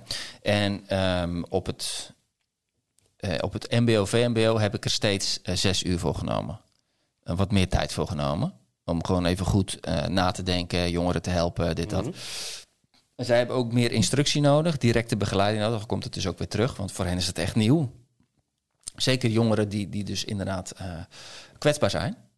Ehm, die, die zeggen letterlijk, er komen nu geen gedachten. En de vraag gaat, hoe komt dat? Ja, daar praten we thuis nooit over. Gaat er nooit over. Er wordt niet over gepraat. Jongeren horen nooit, hey, dit zijn jouw kwaliteiten, man. hey, ik zie deze kwaliteit bij jou. Hey, wat je nu zegt, hè, dat is mooi.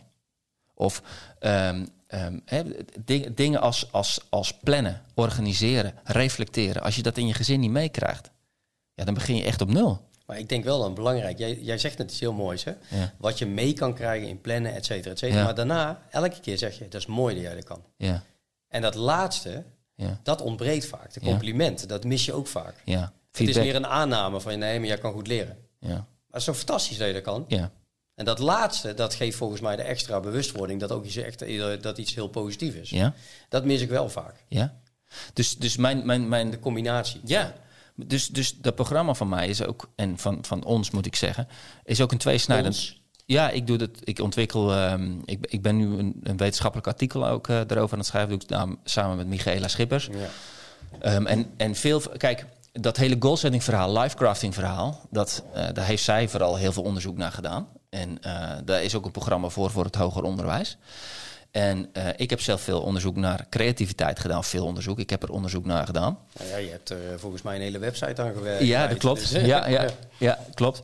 Maar het, ik, ik dacht bij mezelf, waarom brengen we die twee concepten juist voor een tijd als dit niet bij elkaar? Waar je juist zo moet steunen op je vindingrijkheid.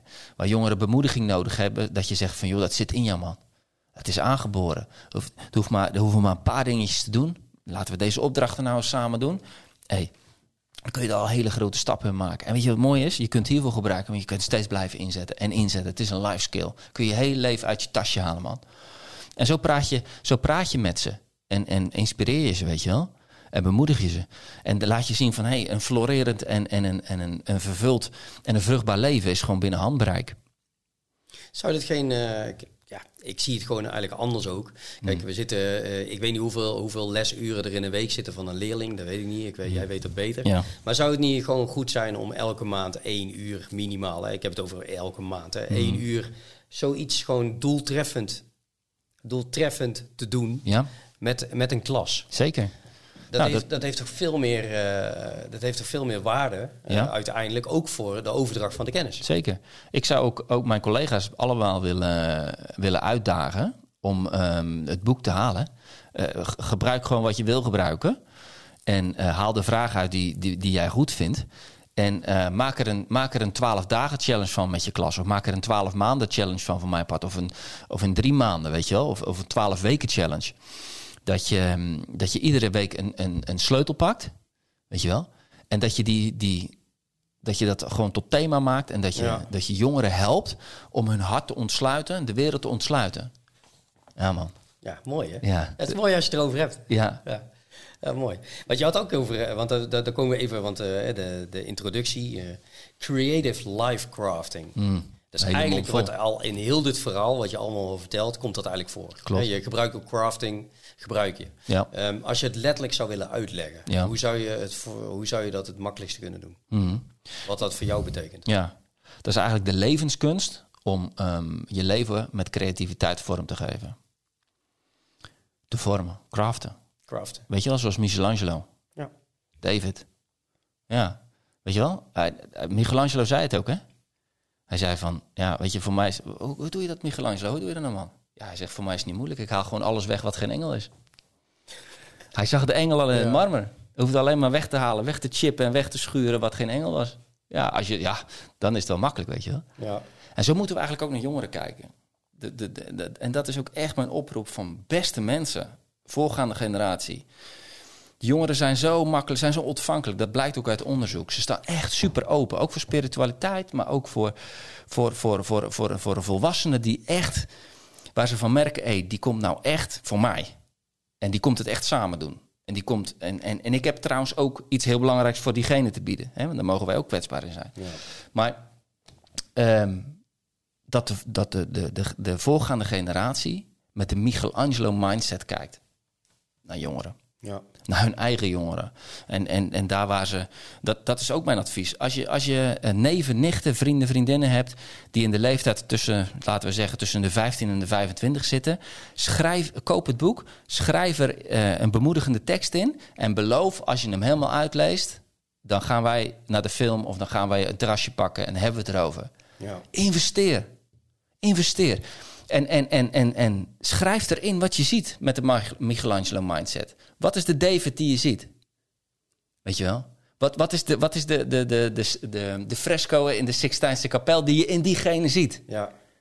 Die is niet af. Er zit misschien een hoop rubble. Er zit een, maar, maar die is er. Ja. Het goud zit erin. Weet je wel?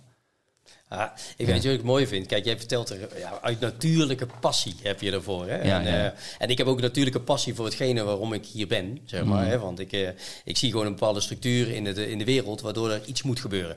Punt. Weet je wel? En als ik daar iets kan, kan bijdragen vanuit mijn methode, en we zijn nog met veel meer plannen bezig trouwens, dat, eh, daar, daar komen we een andere keer wel op terug.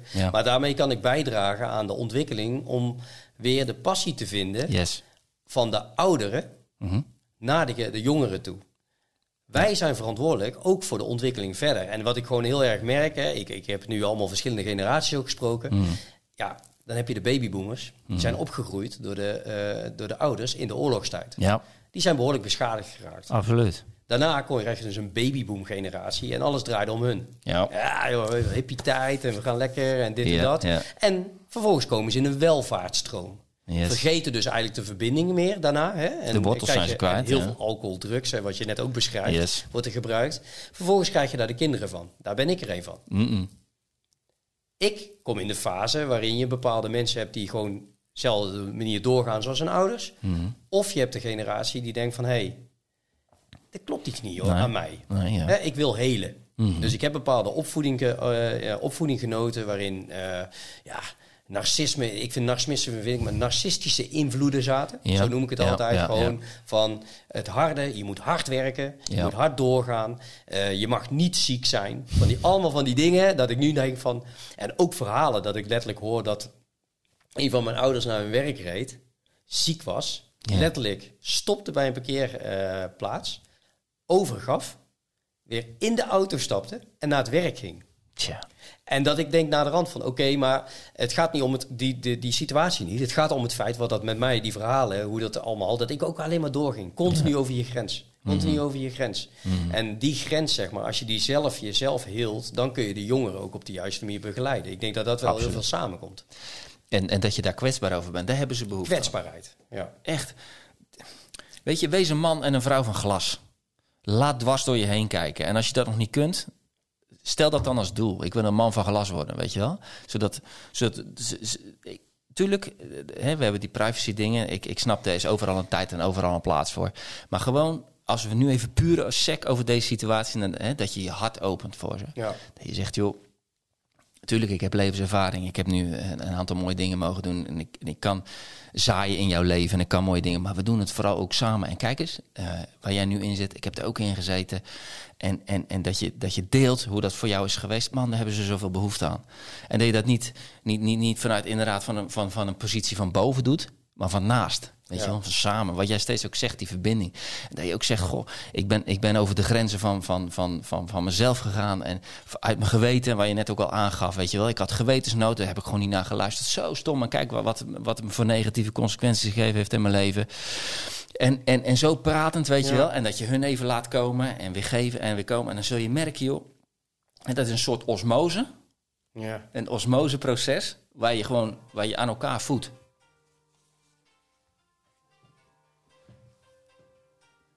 Dan gaat hier even een mobiel af. Oh, dat is een wekker zelfs. Knip er wel uit. Ja. Moet je eh, zo ergens naartoe? ja, ik had er inderdaad, eh, normaal gesproken heb ik, eh, heb ik, moet ik altijd even mijn dochter ophalen. Ah, oké. Heel belangrijk. Ja, heel dat is ook belangrijk. Belangrijk is eigenlijk. Ja. Ja. Ehm, even terug. Kijk, wat ik gewoon vind, en eh, ik, ben daar, ik ben een schoolvoorbeeld trouwens. Hè? In alles van, eh dat meen ik serieus, ik ben echt een schoolvoorbeeld eh, van feesten. Al die onder wat jij net ook noemt. Dus daarom kan ik ook heel erg relateren als ik eh, bijvoorbeeld eh, iemand, eh, een jongere, op een mobiel zit. Die eigenlijk zichzelf probeert af te sluiten en Ja. vooral niks te voelen. Kopen. Ja. Ja, en, en ik was vroeger ook altijd zo. Eigenlijk, en ik ben er nog steeds goed in. Om Ja. eigenlijk dingen te zoeken waardoor ik niet naar mijn gevoel moet komen. Ja, ja. Maar eigenlijk sinds die periode, en daarom ben ik ook helemaal niet zo negatief over die coronaperiode. Precies. Heeft dat juist mij zoveel reflecterend vermogen gegeven. Dat ik van, jeetje mine, waar ben ik mee bezig? ja, ja. Dus elke keer wanneer ik dat voel, en dat doet eigenlijk best wel pijn. zeg. Juist. En dat doet echt pijn dat je dan op het moment dat je wakker wordt en je wil opstaan, je wil zo snel mogelijk aan het werk. Mhm, En dan denk je van, oh, ik ben gehaast. Hoe komt dat nou? En dan ga je terug naar je gevoel. En dan voel je die verantwoordelijkheid weer van, hé, hey, maar ik moet het goed doen. Ja. Ik moet dit, ik moet dit, ik Ja. moet zus. En aan, aan, aan dat verhaal, zeg maar, kun je koppelen dat je weer terug gaat naar je gevoel. Ja. En als je dat voor elkaar krijgt, zeg maar, ik word ook telkens rustiger. En ik accepteer ook dat ik onrustig ben. En vooral het Mhm. laatste helpt mij heel erg. Ja. Als ik onrustig ben, als ik ergens nieuw binnenkom, net zoals ik kwam net bij jou binnen. Ja, dan voel ik wel een bepaalde soort vibe. En dan, dat is Tuurlijk. niet dat wij geen goede verbinding hebben, daar gaat het niet om. Maar het gaat meer om, ik kom hier binnen, ik moet even mijn plek zien te vinden. Even landen. Even landen. Mhm. En als je daar de tijd voor neemt en je doet gewoon rustig aan, dan ben je er ook heel snel, kun je er overheen. En dan kun je ook weer focussen op hetgene wat je echt wil doen. Ja. Dat, eh, dat is echt fantastisch. Maar dat doe je ook heel goed. Dat wil ik wel even aan je terugkoppelen. Ja, dankjewel. Ja, echt. Ehm, weet je wel, hoe jij ook uit de auto komt, hoe je voor het raam staat. eh, een warme glimlach. En inderdaad, eh, het gaat helemaal heel natuurlijk. En je voelt je ook direct op je gemak. Dus ehm, misschien voelt het niet heel makkelijk, misschien ook wel. Maar het, bij mij voelt het heel fijn in ieder geval. Dus dat is ook wel mooi om terug te geven. Nou, je, je hebt twee dingen. Ja. Je hebt natuurlijk de buitenkant. Ja? Ja, Dus dat is ook de echte oprechte, zeg maar, hoe ik binnenkom. Hmm. Aan de andere kant heb je eh, je zenuwstelsel. tuurlijk. En je zenuwstelsel heeft nog steeds, de, de heeft een beetje zoiets van, oké, maar ik wil het goed doen en dat en dat. En die compromis, die moet je gewoon vinden. En ik denk. Die voel je. Maar heel veel mensen die vergeten dat, hè. Want ik, eh, ik bedoel, je hebt eh, verschillende soorten therapieën. Hmm. Waarin je natuurlijk de rationele therapieën hebt. Hè, van, dat je het echt gaat analyseren van wat voor gedrag je nou hebt. Ja. Maar heel vaak wat wordt vergeten, is eigenlijk je zenuwstelsel. Ja. Hoe jij gewend bent uit automatisme te reageren op situaties. Dan kan je het nog zo rationaliseren. Maar als jij dat andere ook niet onder, eh, onder controle krijgt, dan blijf jij continu dezelfde reactie geven op dingen. Dat is, dat is absoluut zo. Ja. En ehm, elke keer als we dus dat creative life crafting implementeren, Dan nemen we de collega's eigenlijk ook altijd mee in ehm, krachtgericht coachen. Waarbij je dus eigenlijk de input van uh, dat creative life crafting verhaal Ja. Koppelt aan, aan een, een coachingsmethode. Waarbij je dus eerst vraagt, nou wat denk je daarover? Dus dan ga je, dat noemen we liften. Hoe denk je daarover? Wat voel je daarbij als je dat zegt? En dan zie je dat heel veel mensen die connectie niet hebben lopen. Dus daar ga je dan mee aan de slag. En de ene is daar beter in dan de ander. En dan help, help je diegene dan in. En dan, dan, dan vraag je vanuit het gevoel, wat wil je? Waarbij je dus echt tijd neemt en rust neemt om die ui af te pellen en te pellen en te pellen tot je bij de overtuigingen van iemand komt hè, en de waarde van iemand komt en de, wat hij echt ten diepste denkt. En, en dan krijg je diepgang in leren. En dan is het ook duurzaam. Want wat we ook heel vaak doen in de coaching, want dat is zo mooi wat je nu zegt en ik zie het ook aan je ogen. Ehm, doordat we eigenlijk alleen maar problem solving aan het doen zijn, blijven we heel oppervlakkig. Weet je wel, blijven in die heigerigheid en die haastigheid. Oh, je komt veel te laat. Ja. En dan gaan we oplossingen, oplossingen vinden. Maar dat zijn geen duurzame oplossingen, want ze zijn niet diep genoeg. Ze wortelen niet. Ja, je brandt jezelf op en je brandt eigenlijk ook de situatie op. Klopt. Ja, ja. En wat communiceer ik met een jongere als ik tijd neem? Als ik zelf rustig ben en als ik zelf de tijd neem om te liften en te zakken. En, en, en dan, dan laat ik eigenlijk aan diegene weten: hé, hey, ik hoor jou. Hé, hey, ik zie jou. Ik zeg het niet, maar jij voelt dat. Want jij voelt, hij is niet heigerig. Hij is niet gehaast. Hij ziet mij voor wie ik ben. En dan gaan die harten zo open, joh. Weet je wel? Want het gaat over hen. Het gaat over hun doelen. Het gaat over wie ze zijn. En als je dan ook nog goed de tijd neemt, dan zijn ze als was in je handen. En, en, en dan leg ik een hele grote knoop in mijn spreekwoordelijke zakdoek. Want daarvoor zit je in het onderwijs. Dat je een jongere echt kan raken, kan laten transformeren. Ja, dat is mooi, hè? Ja, dat is mooi. Ja, dat is mooi. ik, ik vond hem... eh, Ja. ja. Ja, je, je zag het ook aan mijn ogen, zeg Ja. maar. Dat je dat ook voelt, zeg maar. En dat, is, eh, dat vind ik wel heel belangrijk. ja. Ja, maar da- daar raak je wel iets heel moois. ja. Ja. Zijn er nog bepaalde dingen die jij nog wil bespreken? Want je had het over creative life crafting. Kijk, wij maken alle vermeldingen op onze website en, eh, en, en dat, dat komt allemaal. Ehm, ik vind, gewoon, eh, ik vind het heel interessant, omdat we eigenlijk gaan van persoonlijke verbinding naar jezelf toe. Mhm. Naar, de, naar de jeugd, waar we, ja, en daarvoor zitten we hier eigenlijk ook hè, voor de toekomst. En dan ook meer naar eh, ja, dit boek. Dat, eh, dat vind ik heel mooi. Maar heb jij nog bepaalde dingen die je echt denkt van joh, dat zijn wel hele wezenlijke, wezenlijke dingen die, die, die aangehaald moeten worden. Die we, al, die we nog niet hebben aangehaald natuurlijk. Ja, nee, ik denk dat het gewoon ehm, terugkijkend ongelooflijk mooi, mooi gesprek is geweest tussen ons. Ehm, ik heb eigenlijk een soort uitsmijter die, die ik de luisteraar graag mee zou willen geven. En dat, zijn, dat is eigenlijk de, ja, de deductie van de afgelopen drie jaar. Dat ik eigenlijk tegen mensen en tegen jongeren zou willen zeggen van... claim je soevereiniteit en je autonomie. Ga staan voor wie je bent, ongeacht wat mensen daarvan vinden. Weet je wel? Laat je kritisch vermogen en je onafhankelijkheid en laat je niet censureren, laat je niet muilkorven. Alleen brengt dat wel in balans, en dat is het tweede punt wat ik mee zou willen geven. Wijd je toe dat je bijdraagt aan het algemene belang. Want het moet niet zo ver doorslaan dat je alleen maar schreeuwt. En dat je, het moet wel gebalanceerd worden met dat je, en daar ligt ook heel veel van je creativiteit en, en dat je dat ook ontwikkelt. Ehm, en, maar ook heel veel van je vervulling. Dat je ziet van dat staan daarvoor, voor die waarde van, van soevereiniteit en van autonomie. Dat doe ik ook met een reden. Dat, dat, dat, dat doe ik ergens voor, namelijk dat ik mijn hele leven lang duurzaam wil bijdragen aan mijn omgeving. Weet je wel? En, en het derde wat ik. En dat, ik wil het eigenlijk tekenen als een kruis. Dat, Ja. dat noem ik horis, dat is de horizontale legger van de balk. Ja. Maar de verticale, kijk, en dat is balanceren hè? tussen wat je voelt in jezelf. Van dit is wie ik ben. En hier moet ik voor gaan staan. Daar mag ik, daar mag ik geen concessies aan doen, want dan, dan zondig ik eigenlijk letter tegen mijn eigen geweten. Maar ik heb natuurlijk ook te maken met, met een omgeving. Waar ik een bijdrage aan mag leveren, want die leveren ook een bijdrage aan mij. En er is een Ja. soort wederkerigheid zit erin. En die balans tussen de horizontale legger van het kruis, die moet in balans blijven. Ja? Maar die, die, die, die legger die, die wordt ook geschoven langs de verticale as. Ja. Ja, als ik toegeef aan de duisternis, aan de propaganda, aan, aan bedwelming, aan roddel, achterklap, haat, eh, boosheid, slechtheid, dan zakt die balk naar beneden en zakt die letterlijk de duisternis in. Ja. Weet je wel? Dan verbind ik me met ideeën en krachten achter ideeën die demonisch zijn, zou je zeggen.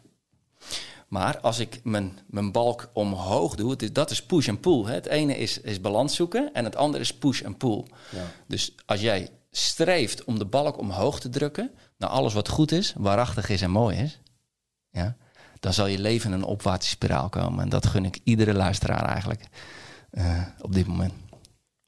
ja, fantastisch. Ja, Dankjewel. graag gedaan. Hyper Rommers. Dat is hem, de enige echte. Fantastisch. Ja. Nee, ik wil je echt heel erg bedanken. Eh, ja, we hebben natuurlijk al contact gehad via de eh, social media wel. Dat vind ik altijd weer grappig, zeg maar. Want ik ben altijd wel social media. Het geeft je aan de ene kant, als je het op de juiste manier gebruikt, gebru- geeft het je ook veel. Zeker. Maar wel op de juiste manier gebruiken. Eh, dus ik heb zo'n heel mooi filmpje waarin zo'n jongetje zeg maar, de hele tijd eh meegezogen wordt door de mobiele telefoon. En eh, telkens ongelukkiger wordt zeg maar, in zijn eigen wereld. Ja, Ehm, ik wil je bedanken graag gedaan. voor je gesprek. Ehm, ja, voor ons, kijk, we hebben eh, de Vergeten Groepen podcast. Eh, ja, je kan ons vinden op alle kanalen. Dus ook op Spotify natuurlijk, maar ook gewoon op eh, onze eigen website, vergetengroepen.nl. Ehm, zelf ben ik de gast natuurlijk bij eh Hype Rommers en die heeft de website creativelifecrafting.com. Dat is correct. En daar staat eigenlijk min of meer staat er uitgelegd hoe ook wat we nu hebben besproken in het kort, wie Hype is, wat hij doet, de coaching, maar ook zijn boek, doeltreffend. Ja, Ehm, ik, ik krijg een kopie, dus eh, eh, ik, ik kan een review geven. Dus eh, eh, nogmaals hartstikke bedankt. Graag gedaan. En, eh, ja, ik wens je het beste natuurlijk, maar dat lijkt me logisch. Dankjewel, Stijn. Oké, dank je.